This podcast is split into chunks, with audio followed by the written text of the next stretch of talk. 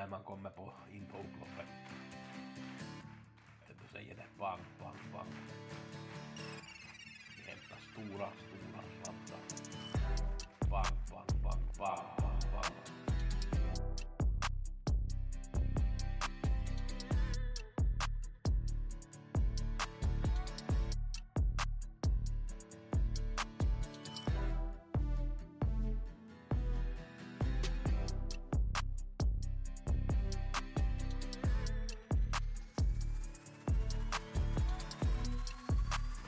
Vi har veckopodden med Gusse. Vi ska gå igenom lite V86 och V75 från förra veckan. Ska kolla på en idé till Åby på torsdag. Så går vi igenom lite veckan som kommer vad det finns för tips att erbjuda. Vi fick en jackpot på V86, det gav 20 000 kronor på 8 rätt. Det var egentligen en ganska enkel omgång, det var väl första Vicky Montoya som skrällde lite och den där sexa i ranken, 2% spelare. Jag trodde ju mest på nummer 9 Toy Southwind som var trea i mål och gjorde det verkligen bra. Den var ju 2% när vi gav de här tipsen. Det steg till 7 sen. Jag hade ju lite större uppskattning på den och den fick nog ett helt okej lopp. Tycker att den kunde, borde kanske ha kunnat lite bättre än det, men vi kommer att ta betalt för, på den här hästen, den kommer till vinna.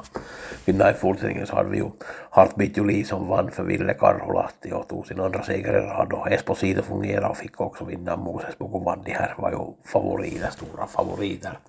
Vi har som sagt en jackpot att se fram emot på, på onsdag om kollar de här listorna så tyckte jag att det var på sista loppet, nummer nio Friend of Elf som jag nog har följt med en längre tid och jagat och nu har den ganska bra, bra spår tycker jag. Det blir väl Maverick Dream som drar, drar till spetsen där eller Red Hot Roaster. Det kommer kanske att bli körning och det borde gynna Friend of Elf så ska den nog äntligen få vinna för Mats E. Djuse det här loppet på V86 på onsdag.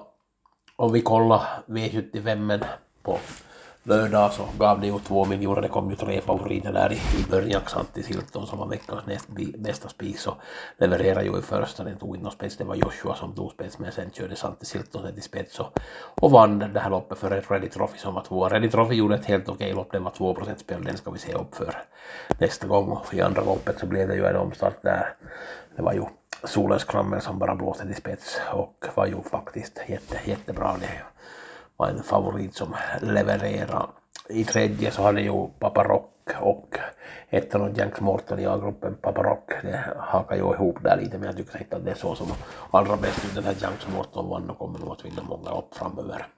Kallblodsloppet fick vi ju en skräll där det var Bäcklös Faron som vann före Krusidul. Krusidul var väldigt bra för Mats i ljuset.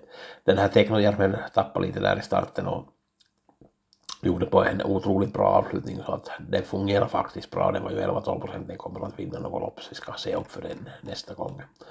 Femte loppet så fick vi ju en skräll i form av 0,7 procent Emilia Current Leader. Här var ju Rayon 4 väldigt, väldigt bra, galopperade med seger på gaffeln och, och den var 19 procent. Vi ska se upp för den om den kommer att gå ut i, i i något lopp här så att den kommer nog att kunna klara, klara sig. Sjätte loppet så var det ju ettan Furiosa som ledde länge men den galopperade sen till på upploppet. Det var nog lagen. Det var Dino Cream som vann det här till 3,5 procent för Oskar Thulin Blom.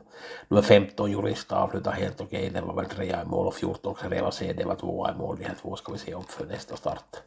Och i sista så blev det ju ingen spets för Corazon de B. Det var Combat Fighter som blåste till spets och vann det här loppet och Corazon de B var inte egentligen så bra. Det är ju ganska sällan som det gör riktigt, två riktigt bra lopp i rad men vi ska nog inte tappa upp hoppet för hästen ändå, den kommer nog till vinna. Och en som jag tyckte gick bra till slut så var nummer 12 Run and Cola så alltså, den ska vi se upp för i fortsättningen. Vi har ju på torsdag eh, har vi en idé som jag tycker att jag har en häst som jag har följt väldigt, väldigt länge och den har nog kanske lite svårt att kunna vinna men ett platsspel kanske kan vara på, som på sin plats. Det är ju förstås lite spelare, det ser ut att vara 0,1 procent men det kommer nog till stiga kanske till 10. Det är väl nio hästar som är med i det här loppet och det är femte loppet, det är spårtrappa 2640 och det är nummer 5 Remburs RD Sven Dyrberg kör.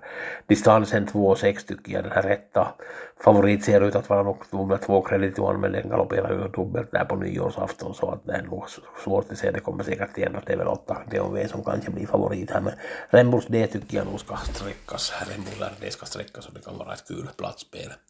Ni som är intresserade av V86 eller och V75 gustaf.hager.gmail.com skicka mejl så berättar jag mera. Ha en bra spelvecka. Tack för mig. Hej!